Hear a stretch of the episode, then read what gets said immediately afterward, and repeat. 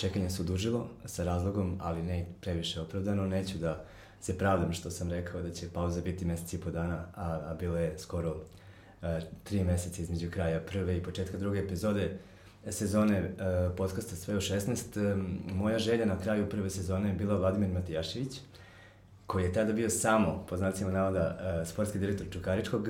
To što nismo snimili tada zbog neke moje bolesti, pa sam ti otkazao na dan snimanja, što mi je bilo jako neprijatno. Ovo, I na kraju se ispostavilo kao dobra stvar, zato što si sada došao u studio kao sportski direktor FSS, pa mislim da će biti dosta e, tema za razgovor i, i mnogo, mnogo više nego što bi bilo u, u julu, recimo. Pa preva, došao. Prevashodno hvala što ste me pozvali u emisiju. Prošli put, eto, nije nam se dalo da snimimo, ali evo sada imate i više mogućnosti, više pitanja da pitate. Da, čekao sam bio do jutru, do presnimanja da mi bude bolje, ali sam, sam na kraju, sećam se da sam smišljao poruku pola sata. Nema kako problema, da si... naravno. Dobro, e, zbog toga što smo se dogovarali e, još dok si radio u Čukaričkom, ja bi, ne bih volio da prođe priča bez toga. Mene je zaista zanimalo kako izgleda sportski dire, život sportskog direktora, ti si dugo bio tu, promenio i trenere i igrače, imao uspeha i neuspeha i dobrih i loših stvari, imao jedinog vlasnika kluba iznad tako sebe u Srbiji, je tako? Dragana Obradovića, pa, pa bih počeo priču o tome i onda bismo se nekako i hronološki ovaj, uh, dovukli do, do Pazove, do tvoje nove kancelarije i novih saradnika. Evo, moje prvo pitanje bilo bi da li si bio uspešan sportski direktor Čukaričkog? Pa to jedino može da proceni verovatno javnost i vlasnik kluba Dragan Obradović i ljudi u klubu. Za mene uvek mislim da postoji još da može da se unapređuje čovek dok živi, ja mislim da može da uči, tako, sam, tako se vodim ovim sportskim životom, i, ali mislim da smo dosta napravili od Čukaričkog za tih 5-5 i po godina koliko sam ja bio sa pauzom od 6-7 meseci gde sam bio u inostranstvu. Ove, mislim da smo napravili dosta dobru školu, prevashodno gde smo se bazirali najviše, a i samim tim prvi tim koji je u više navrata igrao u Evropi, osvojio kup i igrao dopadljiv futbal koji danas danje igra. Ali, opet kažem, uvek je moglo bolje, imalo je tu i u nekih godina da možda da me nije trpeo taj isti predsednik, možda ne bi bilo tako, ali evo, mislim da je bilo dobro i za njega i za mene. E, dobro, e, e, radio si pre toga u napretku gde je, eto, sistem finansiranja takav da se prodaju igrači i sve. Ovde je bio Dragan uzeo klub na ivici bankrota 2011 i postio tebe 2014. tako? Tako, 13. Tako, 13. 14. 14. Um, I počeli 14. ste da radite. I da. propustili ste Evropu jedne godine, da. osvojili kup na Rajku Mitiću protiv Partizana sa Laganom Milovićem.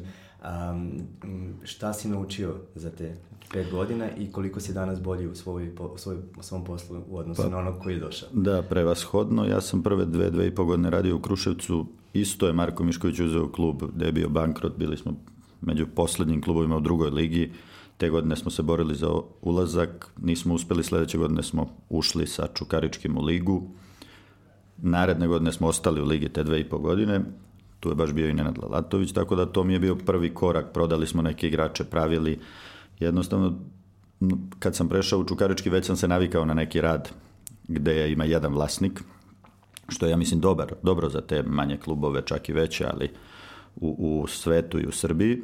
Ovaj, onda mi je bilo lakše. Kad sam došao u Čukarički, bilo mi je jedino teže što Čukarički tada nije prodavao igrače, već je se finansirao isključivo od vlasnikovog novca. Morali smo da napravimo strategiju za, za prodaju igrača, samim tim i za rezultat, što nije lako, pogotovo u malom klubu kakav je Čukarički.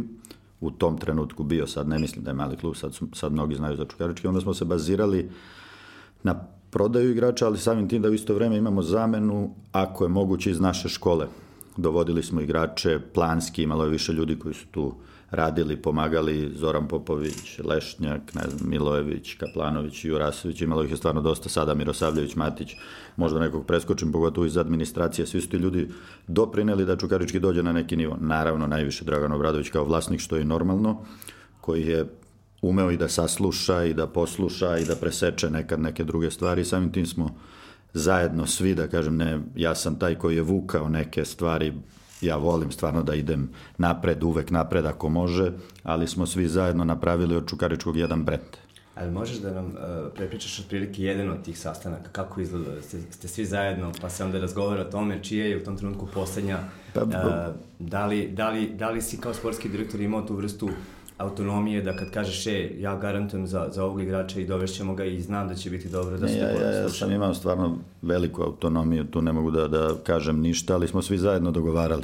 Ja uvek volim da čujem i mišljenje igrača i trenera i predsednika, svi zajedno, ipak bolje se donese odluka kad svi zajedno razgovaramo, pa ako nas je pet, četvorica kažu da, ja kažem ne, poslušat ćemo tu četvoricu. Ja mislim da tako treba raditi u futbalu, ne treba jedan čovek da seče, nekad treba, naravno, ali mislim da je futbal društvena igra gde više ljudi treba da odlučuje, ok, poslednja uvek može da bude ili moja ili predsednik, čak ili trenera, u zavisnosti od razgovora, od situacije, ali uvek smo se zajedno dogovarali na kraju, da, presečem ili ja ili predsednik, u suštini sportski deo sam sekao, ali u dogovoru sa ljudima, nikad nisam sam.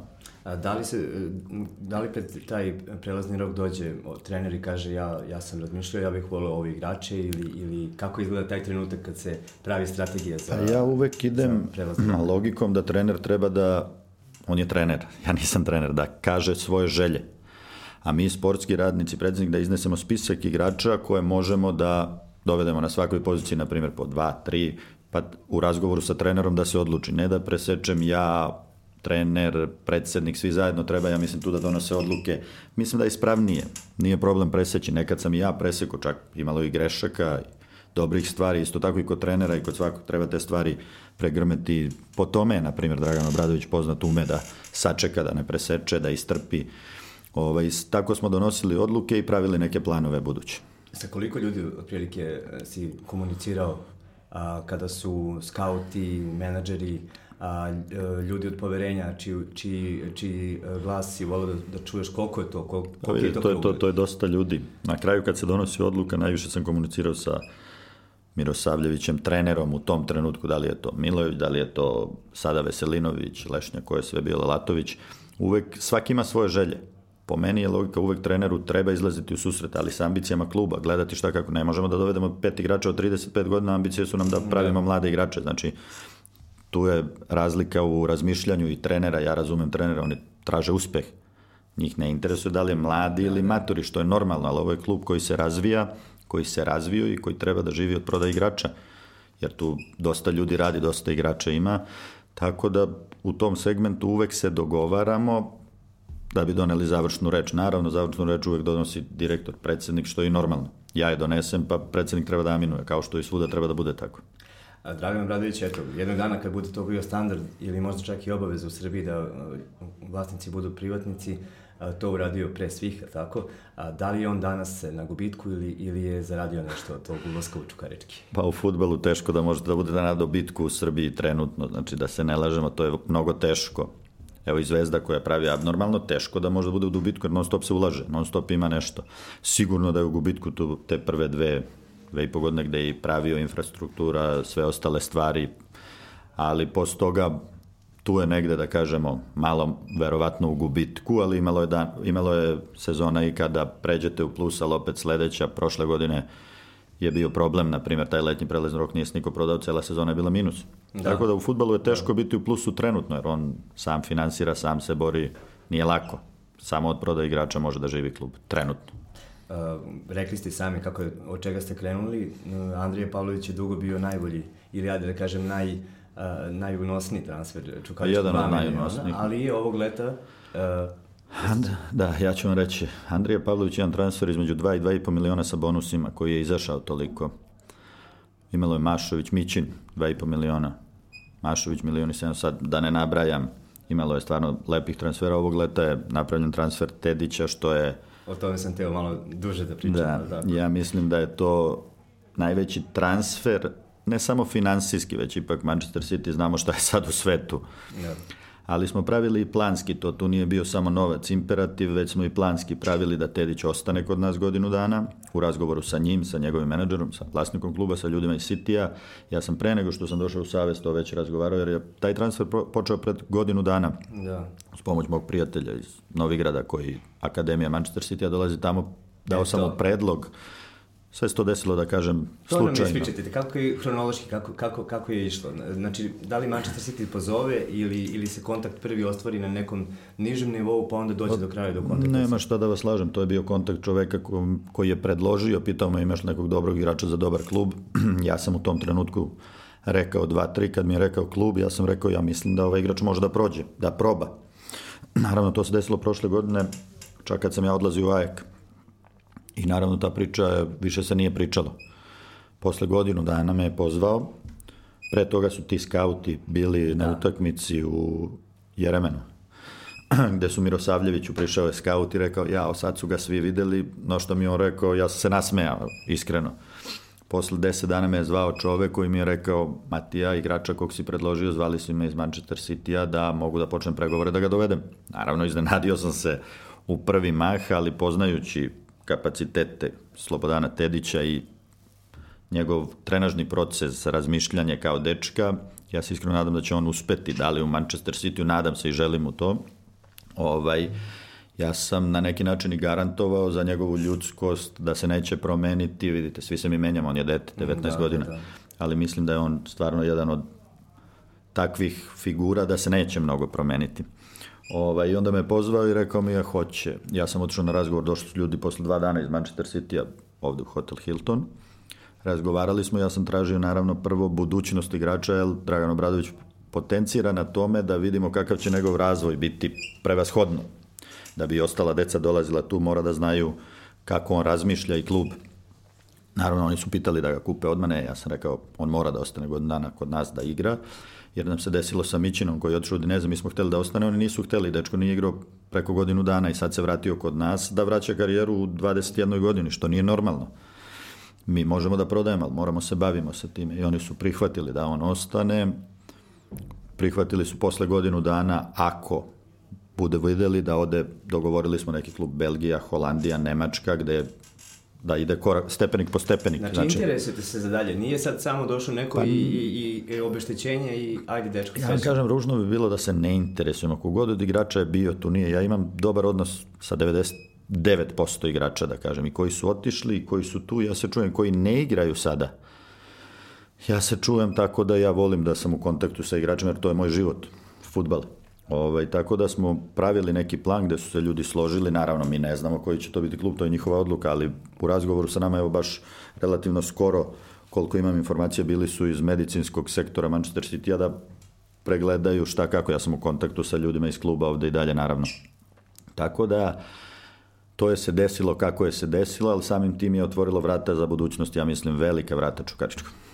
E, šta ste naučili iz tog transfera? Ili bi s njima bilo lako ili naporno? Pa verujte mi, e, mnogo lako. Mnogo lako. Kako je sa drugima, sa njima je bilo mnogo lako, jer su videli, ja mislim da su prepoznali da mi brinemo i o igraču i o klubu, da smo mi jedan mali klub, da je o financijama se čak nije ni pričalo na početku, verujte mi, prva tri sastanka financije nisu pominjane. Te kasnije su oni davali predloge šta, kako i tu smo par dana rešili, ja sam već posle odšao ovom, ali već je bilo, da kažem, gotovo, gotova stvar. Dobro, pretpostavljam da nije tako lako kad treba vi da dovedete nekog igrača iz Srbije.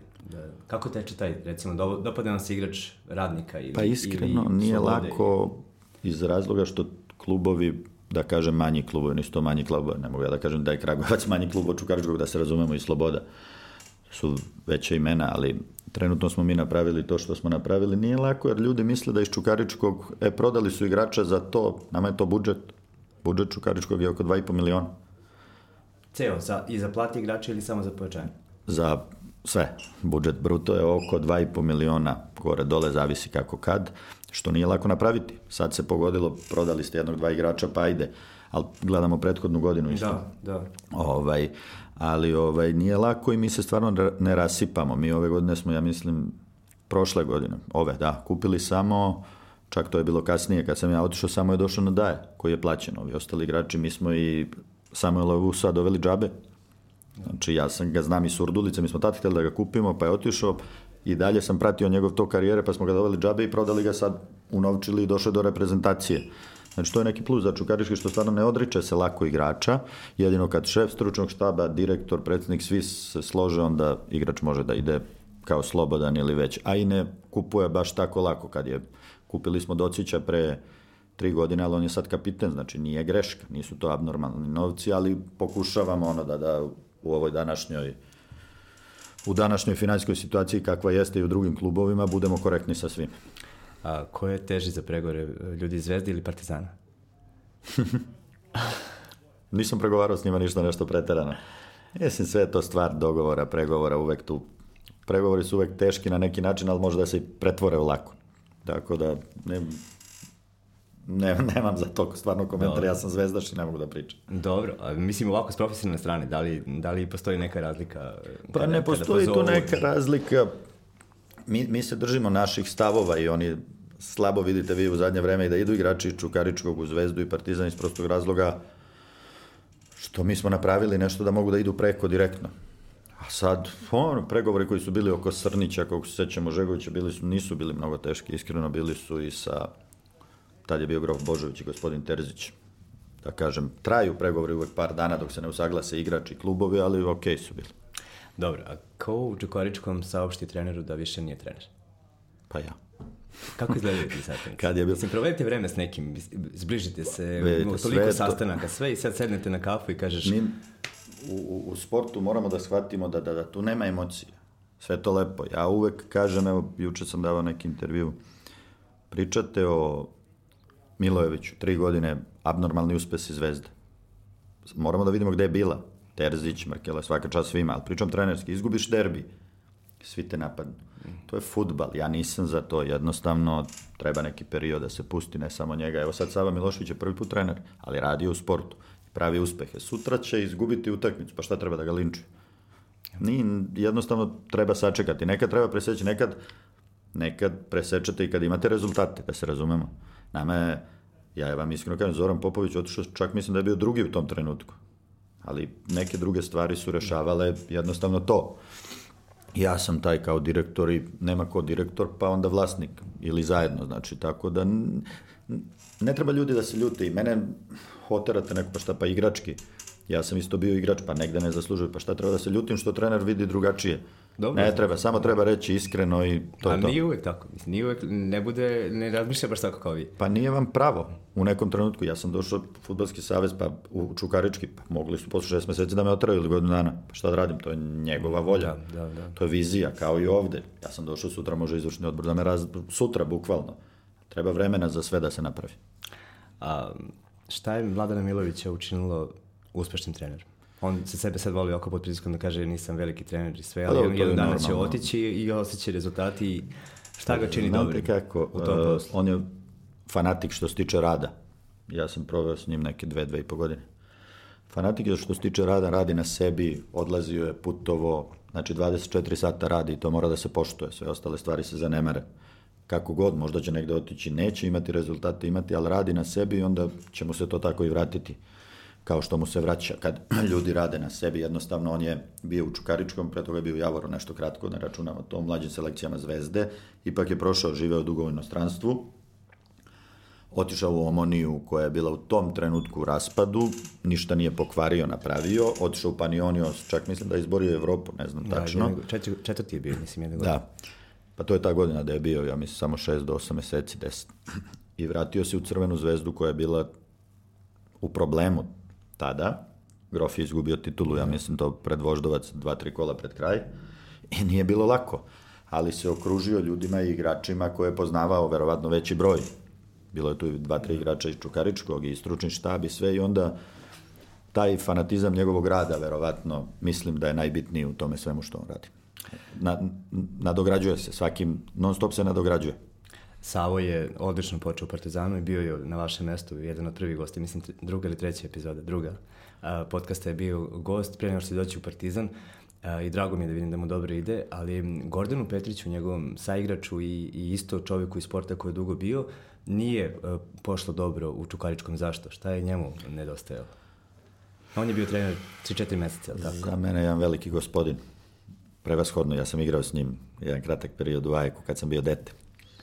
Ovaj, Gordon je specifičan čovek, on je bavi se trenerskim poslom, za mene je on predsednik, generalni sekretar. Moram to da dobar, da kažem. Dobar to je savjet, dobar savjet. To je, ne, to je moje mišljenje, on i trenerski, sve ok, ali on je mnogo dobar čovek po meni i mislim da mu je bolja funkcija generalnog sekretara, predsednika, čak i trenera, ja se nadam da će uspeti, ali bio je četiri meseca i kad smo došli na razgovor, sam je rekao prevashodno, možda ja nisam za ovde, možda moj put treba da ide drugim putem. U tom trenutku čak nismo ni razmišljali o tome, mi smo u super odnosima danas danji, naravno, Gordon je ja razuman čovek s kojim možete da pričate i da dobijete dobre savete. Ovaj, tako da, jednostavno je to bio razlog, ništa drugo. Nismo imali rezultatski, mi smo tad bili u krizi pa bili, ali nismo imali razlog neke smene. To nije bila smena, to bila njegova preporuka nama možda, i eto, tako je se desilo ništa Ima nešto toga, specifično. znači, Da. da, dogodi se. Ima, desi se. Drago mi da sam postavio to pitanje, Da. možda ne bi saznali. E, postavit ću pitanje i za, za Nenada Lalatovića. Um, on je onako jedna specifična figura i on je bio gost i, i sa njim sam razgovarao i opet mi je drago da mu dobro ide u Vojvodini. E, pored svih em, prepreka koje sam sebi nekako napravi na tom, on kao da postavi dve, tri prepreke ispred sebe pa hoće da ih preskoči. Nije bio tako temperamentan i buran u Čukaričkom kao u posljednje dve godine u Nišu i Vojvodini. Kako, je, kako, kako je izgledala saradnja s njim? Pa mi se poznajemo, eto, 19 godina, 20, od Crvene zvezde. Mi se poznajemo se duže, ali tad smo igrali zajedno, znamo se iz mlađih selekcija. Lala kao Lala. 40 godina dete. Znači, ja mu ne uzimam mnoge stvari stvarno za zlo i to kad se dešavaju neke gluposti, konferencije, ovako, on je takav impulsivan, tako reaguje, tako vodi ekipu. Nije, ne mogu ja da nađem, možemo mi njemu da nađemo hiljadu mana, ali ja prvo kao čovek ne mogu da mu nađem manu, jer ga znam 20 godina, ne želim da mu tražim mane, želim da mu uvek ga posavetujem nekim drugim stvarima, ali on je takav, jednostavno, kad je utakmica, on je drugi čovek. Kad sednemo s njim ovako, mi naiđemo na drugog čoveka. I to je kod njega tako, ja se nadam da će prebodi, prebo, prebroditi to sve i konačno posle svih klubova u Srbiji naći sebi neko inostranstvo da ne ostaje više ovde. Mislim da je 80-90% klubova zamenio. Dobro, najduže je na kraju ostao u Čukaričkom 60 utakmica, odigrao godinu i po dana, to mu se nije dogodilo, ni u jednom drugom klubu. Da, da. E, Dobar, Em, zašto je on dobar trener? Ajde, da kažem, Pa ne, on je dobar Nije, trener. nije beležio uh, rezultate do njegovog dolaska kao sa njim. Borac iz Čačka, Čačka i dan danas od, ima najbolje rezultate sa njim. Vojvodina je imala odlične igre, odlične rezultate, pala, borila se za play, da, da uđe u gornju grupu u posljednjem kolu, evo sada je u, u, u vrhu uh, tabele ponovo s njim. Znači, on je, on, rezultati su tu, samo što to znači i dosta toga sa strane. Rezultati su tu, ali mora, on, on mora da ne bude više dete. Mora da razmišlja o sebi, da, da, da ode, znači njemu malo da se nadogradi on kao on sa svim ovim problemima, što kažem, ne treba mu problemi, ne trebaju mu sudije, ne treba mu ništa, da jednostavno sam sebe dovodi u situaciju komentariše da ga kažnjavaju bez ikakvog razloga. On je trener koji zna da motiviše igri ekipu, koji zna da vodi ekipu, koji ima svoj stručni štab, koji je dugo sa njim, znači nema, nema potrebe za tim, ali jednostavno, ja vam kažem, Lala je na utakmici drugi čovek, videli ste ga kod vas u studiju. Da, da. Možete da pričate o svemu na utakmici, ne možete da... Njegov svaki gest i kad nešto kaže, to može da protumačite, rekao je usput pola stvari. Uh, malo po malo dođe smo do toga da otišao i on iz Čukaričkog, um, ostvarili ste transfer od 3 miliona i pretpostavljam da će biti neki bonusi za Tedića. Uh, Pa i- ja cifre stvarno ne mogu da pričam, bonusi su za naše uslove stvarno odlični, imamo neki kodeks kad je dogovoreno, ja pogotovo sad ne želim to da komentarišem, ovaj, veliki je transfer, dobri su bonusi, sad sve zavisi od njegovog razvijanja dalje, ovaj, mislim da Čukarički će samo ići korak po korak više, ubeđen sam čak u to, ima još tu talentovanih dosta igrača, mlađe kategorije, uvek ćete naići sigurno na turbulenta neki deo kad je teže prodati ovako, onako, ali samim tim evo i ovi rezultati i ovi ljudi što rade, gospodin Veselinović sa njegovim stručnim štabom, ipak prosek godina, ja mislim, najmlađi u Srbiji, samim tim pokazuje šta i kako u budućnosti. Dobro, došao je trenutak da odete u AEK. Da, Da. se vratite u Grčku i zadržali ste se kratko. Kako je to izgledalo? Pa igrom slučaja mene, kad sam otišao na razgovor s, predsjednika, s predsjednikom Majka, ja sam poneo igrače koje imam u Čukaričkom. Iskreno, ali je do, priča otišla u drugom smeru. Mene je predložio jedan Grk, kog tada nisam ni poznavao, čuo je šta kako, posle sam ga upoznao. Ovaj, razgovarali smo s predsjednikom, ja sam imao neku svoju viziju, pričali o Ligi Evrope, Ligi šampiona, naravno ja sam uvek ambiciju za nekad ne možete, ali želja uvek vas gura dalje.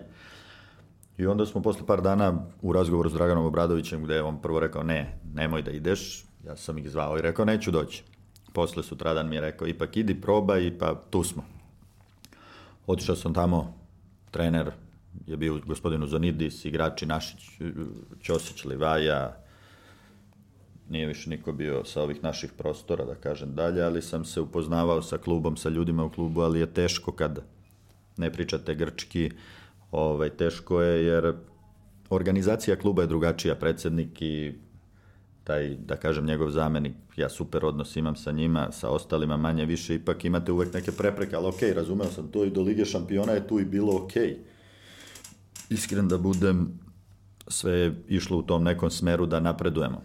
Posle ulazka u Ligu šampiona već počele su sa strane struje ovako, onako ja sam malo bio u čudu. Ja sam već tada podneo ostavku.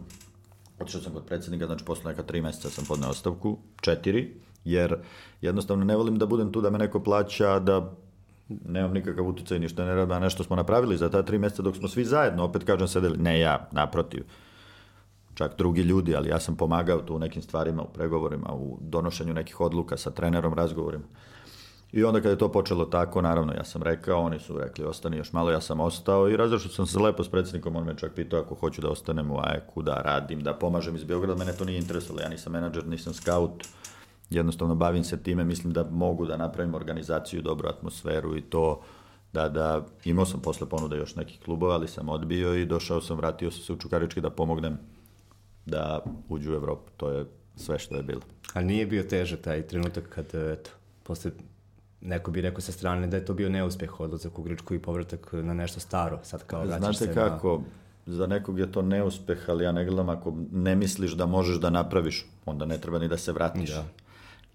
Ja sam otišao u Grčku u trenutku kad je AEK bio prvak zbog one situacije sa Paukom i jednostavno ušli smo u Ligu šampiona, što je bilo posle 15 godina, slagaću vas pojam, ali ne može da bude to moja zasluga za tri da, meseca, da. ali neke stvari smo zajedno zaokružili sa tim i sa razgovorom, pogotovo sa tim Markom Livajom koji je super dečko, on je iz Splita, da.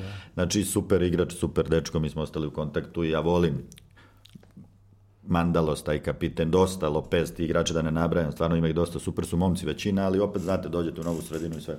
Ne može da bude, ja sam se vratio jer sam znao, znao, ne možete nikada znate. Kad znate, radili ste negde četiri godine i znate kako ekipa igra, kako se radi, šta, kako, došao sam da pomognem u nekoj atmosferi. Trener Stima Krunić, Dragan Obradović, Mirosavljević, svi se znamo, svaki dan smo na vezi, danas danje se mi čujemo, pričamo o normalno futbalskim stvarima, ovaj, tako da, da verovao sam da ćemo napraviti. Čak smo napravili mnogo bolje nego prethodnih sezona. Izašli smo u Evropu, napravili prodaju igrača, u tih mesec, mesec i po dana smo prodali 3-4 igrača. Ovo su Mudrinski, Kopitović i Tedić, što odavno nije bilo. Ali to je neki planski rad koji je trajao dugo i... Da, i, nije promenjeno da. u ta 3-4 meseca da. što niste bili tu. Drugi period u Čukaričkom bio dosta kraći od prvog jer je usledio poziv koji se ne odbija, pretpostavljam, tako se kaže. Od, od koga je stigao? Ko po si... predsednika Saveza, Slaviša Kokeze. Otišli smo na razgovor, pričali neke stvari. Znate kako, kad reprezentacija izgubi Ukrajini kako izgubi, pa dođete na utakmicu koja je, da kažemo, najbitnija u tom trenutku bila Portugal, mnogi su rekli gde ćeš. Ja ne gledam to tako.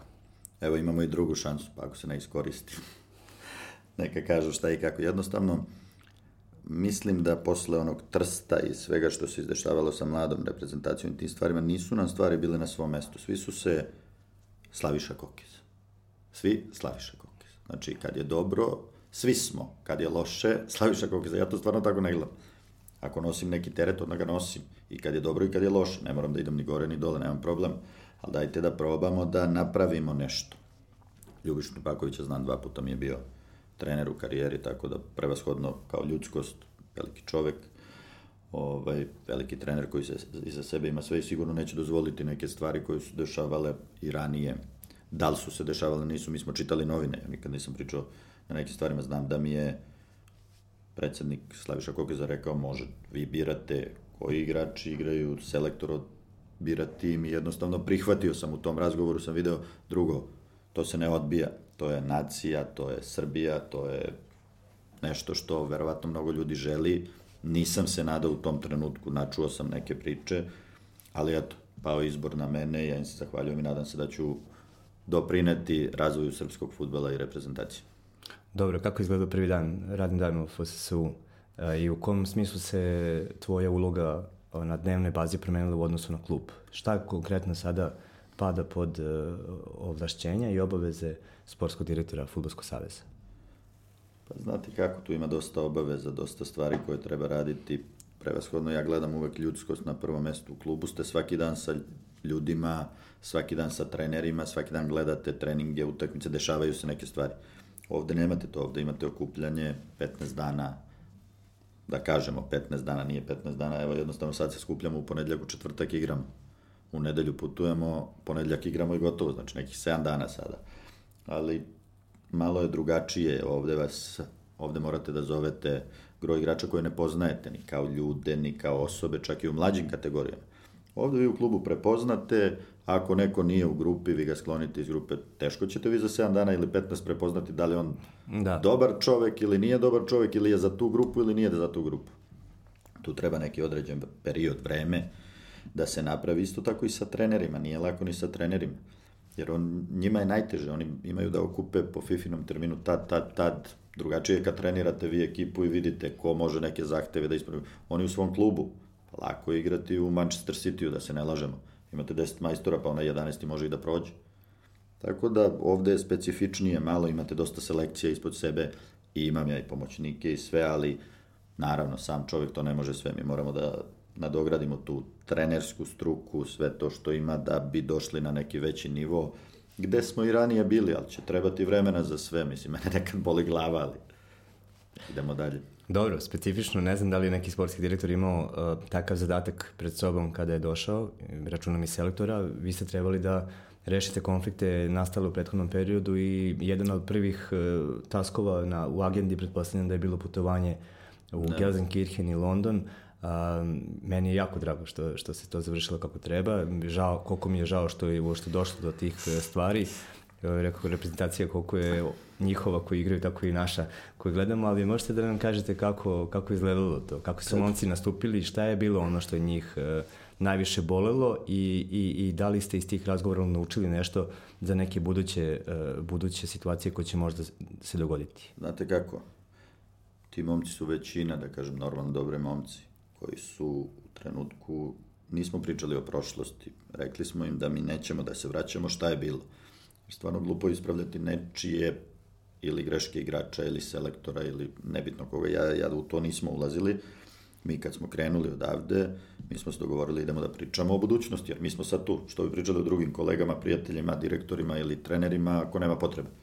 Naravno, samim tim igrači su to prihvatili, odmah su se odazvali, mi smo se i dogovorili na neki način, gledat ćemo ko se kako ponaša, ko kako trenira, da li će to biti igrač Zvezde, Partizana, Reala, nebitno koga, da, na, da probamo Ja opet kažem, ne mogu da garantujem, to sve momci koji su napravili neke svoje karijere, sve to, ali atmosfera ima tu momaka koji žele da izginu za državni grb. Kvalitet, kvalitet će doneti grupa, pojedinac neće sigurno. Ja sam u to ubeđen, mi nemamo Mesija trenutno, ali možda imamo Tadić, koji je dobar dečko, dobar igrač, pričamo, ja mislim da samo grupa može da donese kvalitet, čak mislim da se to i pokazalo kod gospodina Ćurčića u mladoj reprezentaciji gde je izbacio Španiju, pa smo opet pravili eksperimente na evropskom prvenstvu, svi koji su bili. Kod Đorovića, pa opet eksperimenti. Ja mislim da ne treba praviti eksperimente. Ako igrač ode u reprezentaciju A, nema potrebe više da se vraća u mladu. Jedino, ako je to jedan igrač, pa treba, pa je za grupu, pa selektori se dogovore, oni između sebe ali jednostavno treba da donesemo neku odluku što ćemo mi u narednom periodu dok sve bude postavljeno, da kažem, na svoje mesto razgovarati, da treneri više pričaju između sebe. To je njihova dužnost. Nije dužnost direktora da odlučuje ko će da bude pozvan, ali da donesemo neke stavove i da napravimo, da probamo da napravimo neku dobru atmosferu. Nebitno da li igrač igra u City, opet kažem City, pominjamo dobro, City, dobro, da. ovaj, ili igra u Partizanu Zvezdi. Partizan se evo igra lep futbal, Zvezda, Liga šampiona, Liga Evrope. Oni su to uradili sa grupom, imaju jednog Marina Zvezda, koji je, da kažemo, igrač koji ima svoju karijeru, klasa, ovako, onako. Postalo su igrači i kad igraju, ne znam, sad su igrali derbi loši, sad treba ih, ne znam što, svima treba dati šansu ako imate, sad imamo vremena, da kažem, mislim, imamo vremena, mi pričamo o Martu, to, to je donela utakmica s Portugalom da pričamo o Martu i možda nam je tu malo lakše, ali A mislim da smo možda, evo, mo, ovo nije pitanje, ovo je možda prva moja konstatacija od početka podcasta, da smo možda preopušteni. To imat ćemo još taj novembar. Nismo mi reprezentacija koja može se skupi u punom, u punom sastavu u martu. i da ode u Norvešku ili gde i da dobije tu utakmicu. o- Možda smo prelako, o, o, ja znam da sad tim igračima koji igraju svaki vikend utakmice sa Paragvajem i gostovanje u Litvaniji možda nije a, ne znam, čak, čak se i selektor iz i rekao ovi, ove druge važnije utakmice na, na, na čitanju spiska. Znam da nije u prvom planu i da, da, je možda opterećenje, ali to su ti mali treninzi, su malo treninga e, ostalo do tog marta. Vidite, da, možda smo kažem. se malo, eto, previše opustili u oktobru. Za moj utisak. Ne mogu da kažem, mi hoćemo da probamo, ko nama može da garantuje da taj Miletić, Gobeljić, vi mora da shvatite da Rukavina ima 35 godina. Na kraju krajeva iza njega, on je dečko zvao, razgovarali za njega, je to opterećenje. Možda njemu treba odmor, pa ako u martu je Rukavina, Rukavina. Znate šta, Kolarov igra subota, sreda svaku utakmicu. Jel tako? Sa 33-4 godine. Četiri. Da, da. Sve to lepo što daje golove, igra dobro, ali on ima subota, sreda i kad možda treba ima neki period malo da odmori, on opet, znači ba- bavili smo se i tam time Matić, koji u- sam je pričao sa gospodinom Tubakovićem, nije u punoj formi, on dečko hoće da bude u punoj formi. Niko nije izbrisan sa spiska, da se Ne, razumemo. Ja da- sam zvao i da Luku. Jovića, isto tako, on treba da se ustali tamo da igra. Kad nemate utakmice, dođete u reprezentaciju, pa mislite da može jedno, pa možda ćete jedno odigrati. Šta ćemo sa drugom? da. Ja vam iskreno pričam, to je vizija neka... Dobro, ja ne, kažem- Ne pričam da mi sad nešto tra, tražimo neka rešenja za budućnost. Možda mi, i ako ne napravimo, ja se nadam da će u budućnosti biti bolje. Ja vam ne pričam od danas do sutra. Dobili smo period do marta, da smo dobili Portugal. Pa pitanje je šta bi radili u Luksemburgu. A dobro. dobro. Sve to nosi svoje, to je, zato je futbal nepredvidiv. Da, nego tu, Znate je- kako sad kažu Zvezda gubila 1-0, pobedila 3 Čujem ljude komentarišu nešto. Šta, Liga šampiona, šta može da se komentariše? To su ružne stvari. To nije dobro za naš futbal, pustite da se igra futbal. Mislim da je to posljedica a, a, decenijskog trovanja saopštenjima gde je sva, svačiji Ja uspeh mislim da bio ta saopštenja treba malo da spuste tenzije o, na to. o, puste. o, o, jednostavno obesmišljen sa druge strane i da su ljudi odrasli nav- naviknuti da, da ako je drugi klub nešto uspeo, da to sigurno nije Ja, na, ja, ja. na sportskom planu, nego, nego na, na drugačiji način. Da su Sve vaspitavani je to tako. malo mislim. ružno. Ja izbegavam stvarno, ja vidite da me nema mnogo u novinama, kad mora, mora. Ja ne vidim razlog i oni ljudi što komentarišu, što meni to sve, ja to ne čitam. Mene to ne interesuje. Jednostavno, teren je merilo svega. Evo Partizan igra dobro. Klub treba se pravi. Tim je napravljen. To je radio Sava sa ljudima iz uprave, naravno. Mora klub još da se nadograđuje. Svaki klub, pa Zvezda, dve godine Lige šampiona, ulaganja abnormalna. Pa naprave terene, pa naprave svaka čast svima. Evo mi tražimo nacionalni stadion, ovako, onako, renovira se Pazova, renovirano 10 terena, o svemu tome treba da pričamo, jer to je za budućnost bolje. Deca negde će u Pirotu igrati lep futbal. Sa time isto treba da se bavimo, to nije moj deo posla, ali uvek mogu da dam predlog. Dobro. Ja bih se vratio na reprezentaciju, ono što je vaš deo posla.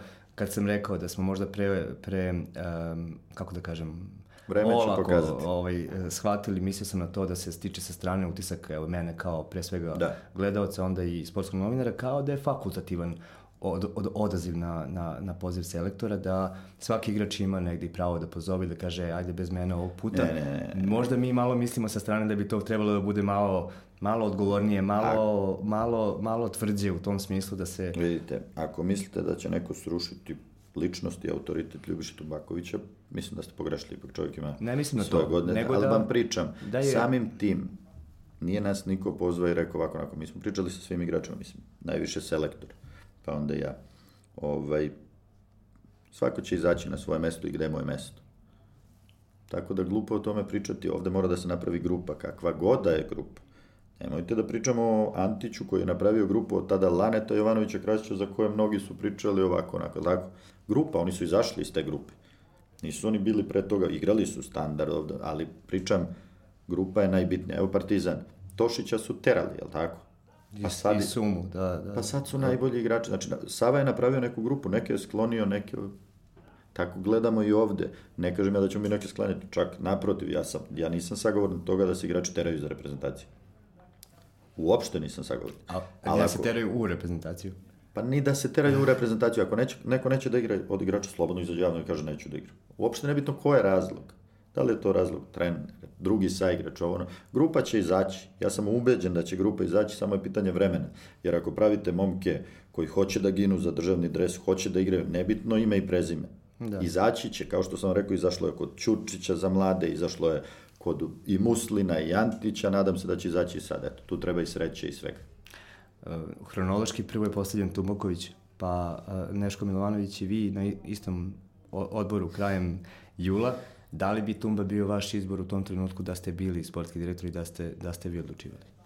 Ja, ja ne mogu to da komentarišem iz mnogo drugih razloga. Meni je Tumbaković bio dva puta trener.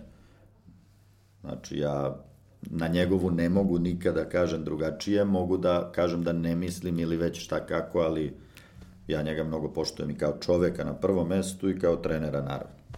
Tako da ne bi se menjalo ništa i da sam ja došao pre. Dobro, ko će biti selektor um, Orlića i kada ćemo saznamo spisak? Još malo će utakmica biti za neki brzo. dan. Sve ćete saznati brzo. Dobro. Um, u želji da, da bude mnogo bolje nego sa prethodnikom, um, nadam se da ćemo... Kojim prethodnikom? Sa Neškom Milovanovićem. Ja ne znam da je on smenjen. Pa dobro, mi smo čuli neke stvari, ali... o, ovaj, e, dobro. Ne, koliko je važno da postoji um, kultura nastupa za, mladu, za mlađe reprezentacije i da se određene stvari podrazumevaju od prvog trenutka ulaska u kuću futbola sa 14-13, kad već ulaze prvi put, do trenutka kad prvi put e, debituju za seniorsku ekipu, da li to bilo odmah posle mlade ili, ili napravili neku pauzu pa tamo 25. i 6. A, da se postoje stvari koje će oni znati da su to, to se ne menja, to je naš stil, to je naš, naša škola, to su, ovako se ponaša reprezentacija Srbije, ovako razmišlja, a onda da kroz to svaki selektor može da da nešto svoje kada poređamo trenere kako treba i napravimo saradnju između trenera da bude kako treba i klubova i reprezentacije, naravno da će to doći na svoje. Bar mislim, mi smo specifičan narod, mi smo mnogo mala država, da se razumemo šta smo napravili u ovih, šta smo napravili, svi Partizan, Zvezda, reprezentacija, znači to treba da se poštuje. Ne treba da se kaže, e sad nisu ušli ili nisu otišli, mi 19 godina nismo bili na evropskom prvenstvu. Je li tako? Ako se dobro sećam. Od 2000. I sad mi kažemo, e, moramo. Mi uvek moramo. Moramo da napravimo sistem. Kad napravimo sistem, onda će to dolaziti. Baš to što priča do 13-14, da se zna kult reprezentacije. Ali to prevashodno moraju treneri i mi u Savezu. Ako mi to, ja to ako ne uspem, ja sam prvi, naravno, nemam nikakav problem. Kako sam došao, tako mogu danas da izađem, ne sutra, danas. Znači, stvarno nemam problem, ali sam došao sa ambicijom da napravimo nešto. I za sada imam podršku i predsednika i selektora i sa svim tim ljudima što pričam. Naravno, uvek imate ljude ovako, onako. Ja mislim da jednostavno mora da napravimo kult igrač kad ulazi i izlazi iz pazove i sa nacionalnim grbom, sa svim, da ga nosi zato što ga voli, što će mu doprineti. Igrači mora da shvate da reprezentacija mora da, može da doprinese njima i u 30. godini. Da, to bi bilo moje sledeće pitanje. Ne, ja sam iskren čovek. Hoćete da mi kažete igrač tipa, nebitno, Milunovića. Koliko ima Keylor Navas kad je potpisao za Real Madrid? Ja mislim da imao skoro eto, 30. Eto. Znači, ali je branio za reprezentaciju. Tako je, na, u svetskom znači, prvenstvu na Brazilu. Oni mora da shvate da za reprezentaciju to je nešto voleti.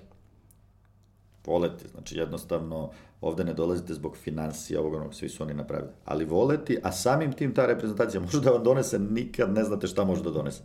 Dobar transfer, dobar ugovor, da se razumemo, Tošić je, je tako, iz Bešiktaša, igrao za reprezentaciju, onda je napravio abnormalan ugovor u Kinu, pre toga je bilo ovako onako, ja to poštujem i drago mi je što je to tako, ne za njega, nego za svakoga bi volao.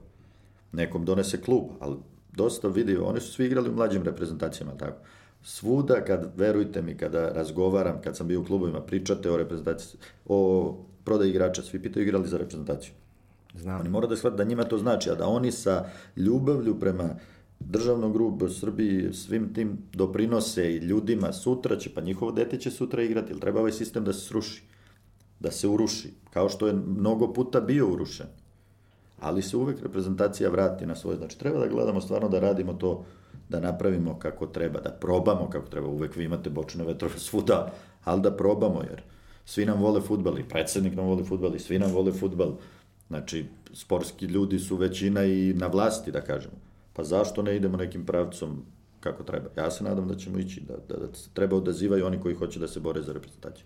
Pa mislim da možda se pravi um, medveđa usluga klincima kada im se ulazak u reprezentaciju predstavlja sad da li od roditelja, menadžera, trenera u klubu ili, ili komšije.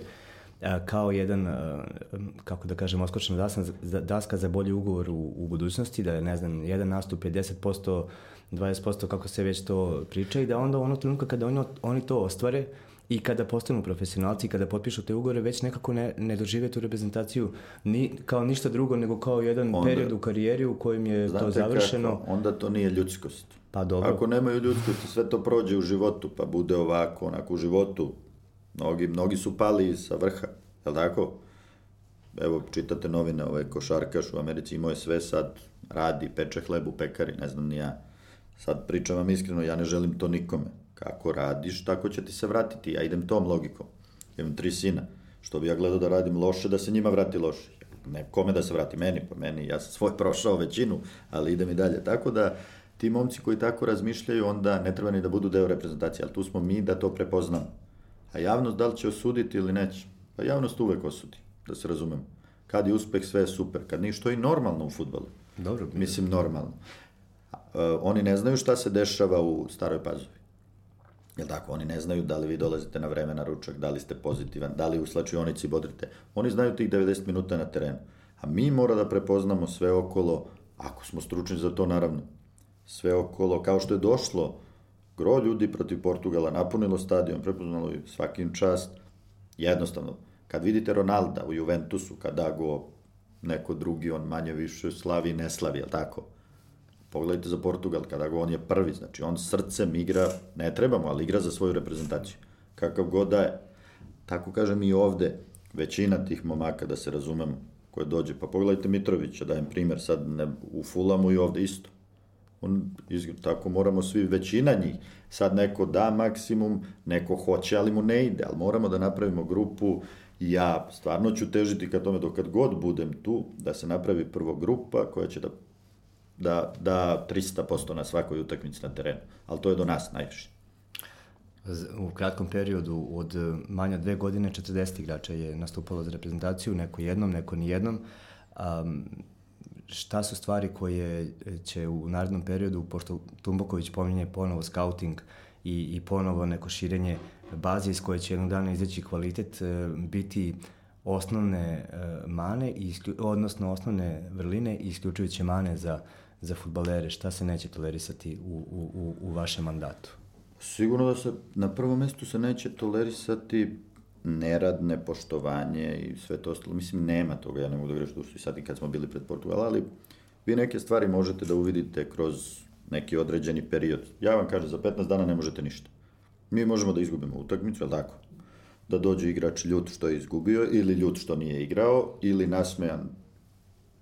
Sve je to normalno ali neke stvari da, da, da, kad napravimo grupu, sve ćemo to videti ako uspemo. Ja uporno pričam grupa i atmosfera, stvarno je sve to u futbolu, ja sam ubeđen da je sve to, slačionica je sve. Ja isto mislim. Samo... Ja sam ubeđen da je to tako, jednostavno ići ćemo ka tome, a Tumbaković to što je rekao, on misli da mi, evo sad će biti opet 10 dana, 7 dana, nebitno sa tim igračima, da upoznamo i te nove, ja poznajem te igrače iz naše lige i ove igrače, da vidi neki kvalitet drugi, da li može drugačije da se spakuje. Ne sad, e, ove neću, ove hoću, svi su tu, pa u novembru će verovatno opet biti dva, tri nova, dva, tri mod, neko neće moći, neko će imati problem, kao što je Maksimović imao problem povrede i sada ovaj, pričam za Maksi iz Getafe, mlađem, sada ovaj drugi Maksimović dolazi, ali ne znamo, verovatno ćemo naknadno pozvati već danas još jednog igrača, tako da to su stvari koje se dešavaju.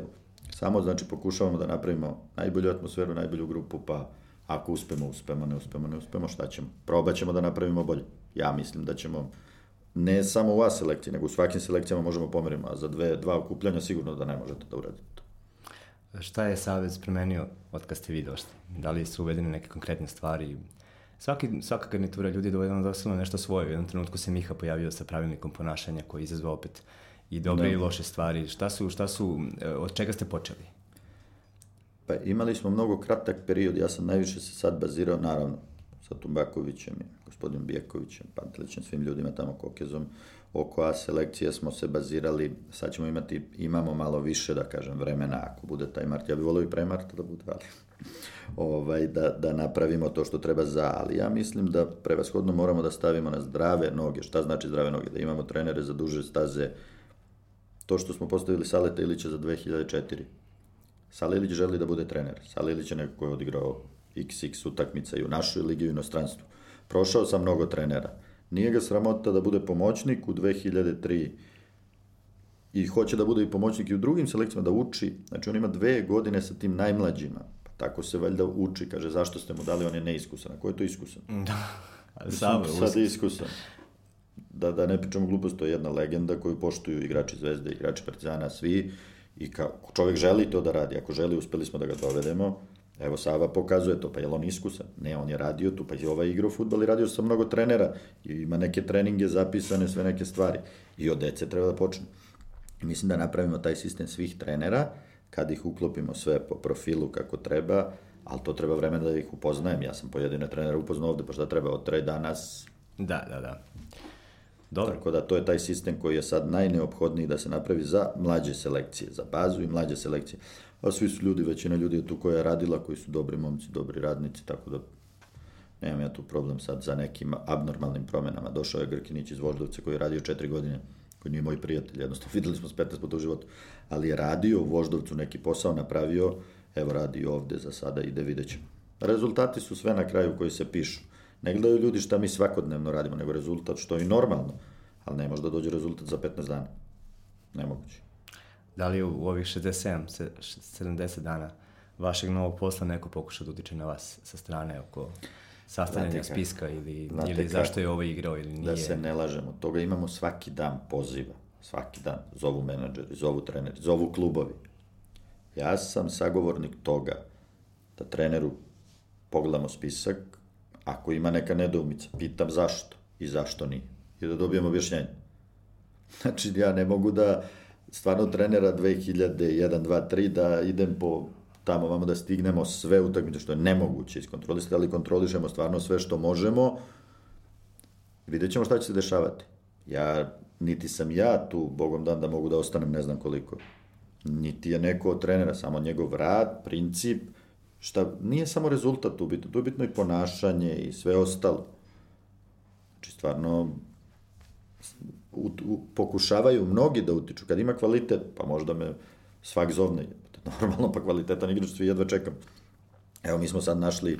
A da utiču negativno, u smislu da, da, da, zašto niste pozvali ovo... Pa sigurno, da, vidite, toga ima svak, svakodnevno, ali ne obaziram se. Verujte mi, ne obaziram se. Rekao sam, zovnite predsednika ako imate nešto. Mislim, zašto niste pozvali? Pa ne može, 50 igrača ne može da bude pozvan.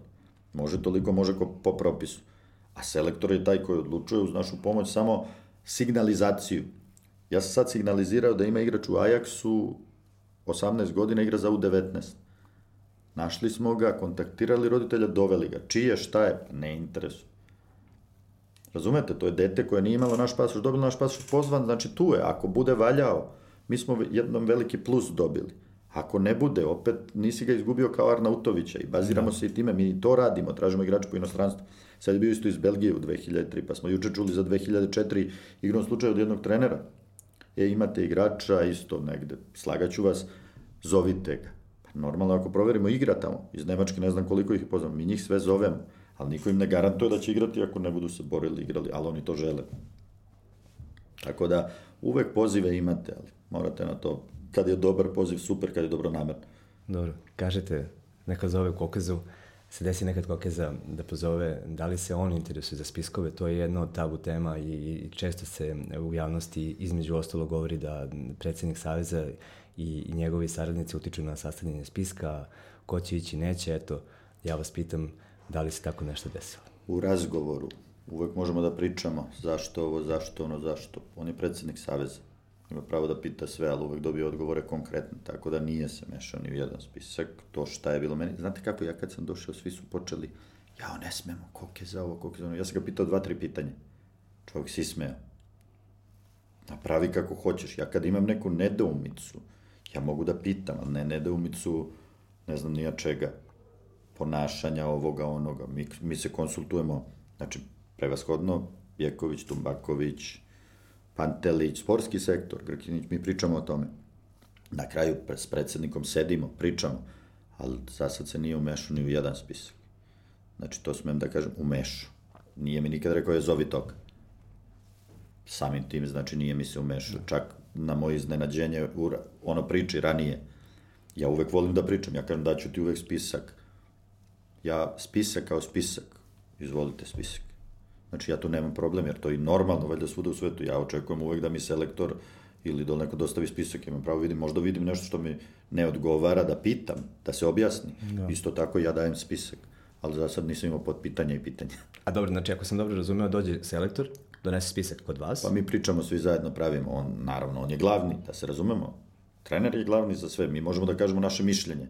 E, zašto ovaj, pa možda ovaj bolje se ponaša ovako onako, ali treneru tu preseca sa nama. A predsednik kao predsednik možda dobije odgovore koje postavi neka pitanja. Što je i normalno, valjda tako funkcioniše sve. On je predsednik. Da, da, onda bi bio selektor ili direktor. Čovjek je predsednik. Tako da stvarno se ne meša trenutno, evo to možete i s Grkinićem ovima. On ima, onako ima nekog da kaže ovaj se nije ponašao kako treba, mi to onda proverimo, ali nismo imali problema. Dobro, da li ste se sreli do sada sa nekim spiskom koji vam je bio čudan? Za sada, pa nisam nešto preterano. I što sam se sreo, rešio sam. Dobro. Ili ću rešiti. Ili ćete rešiti. Tako je, ima vremena.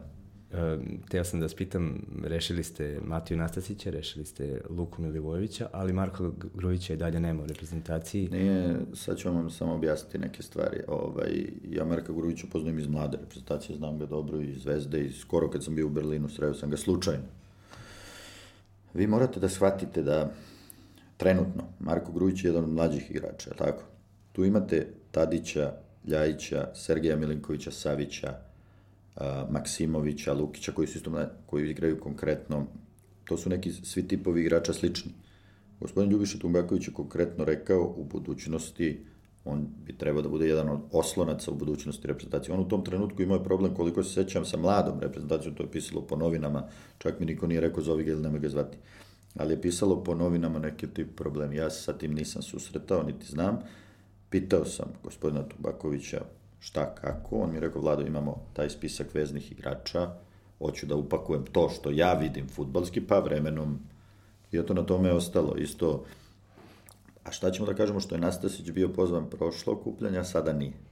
Opet će neko da napravi je problem. Ne, nije problem. Mi smo zvali Matiju, pričali, videli, tako, tako, tako. Tako da svaki igrač komuniciramo sa svakim. Nikom nismo rekli da mora igrači da shvate jednostavno, pa šta da kažemo za ovog Felip e, iz Atletico Madrida što je ušao, a vredi 120 miliona. Pa on je trebao da se okrene i da kaže neću da igram, ja vredim 120 miliona. To su gluposti, dok ne urazumimo sebe i dok ne urazume igrači da treba da igraju za reprezentaciju, da se bore, da... Nebitno da li je to Paragvaj, da li je Litvanija, da li je Portugal. Ne mogu ja njima ništa da zamerim na, ali da se borimo svi zajedno, da budemo grupa, onda ćemo praviti nešto. Bez toga nećemo napraviti ništa, to tvrdim. Dobro. Hvala vam što ste bili gost. Hvala, Hvala što nije bilo završenih pitanja što niste čak ni želeli da, da, da idemo da se dogovorimo o, o čemu ćemo pričati, kako ćemo ja, pričati. To, to je stvarno redka stvar i, i jako mi je drago da Ja ne volim unapred da znam, volim i neko da mi iznenadi da. pa da dam odgovor. Dobro, Neka ću možda i pocrveneti, ali šta ću, tako je to. Dobro, um, ovo je bila prva epizoda druge sezone podcasta Sve u 16 sa Vladom Matijaševićem, sportskim direktorom Futbolskog savjeza Srbije. Um, druga je već sledećeg ponedljaka u isto vreme, ostaje isti termin od 8 sati i hvala vam što pratite i ja vam predlažem da se ove godine pre, pre, pretplatite na Mondo newsletter zato što će biti iznenađenja na njemu uskoro, pa eto, to nek bude e, jedan moj zahtev od vas. Prijetno. Prijetno, hvala.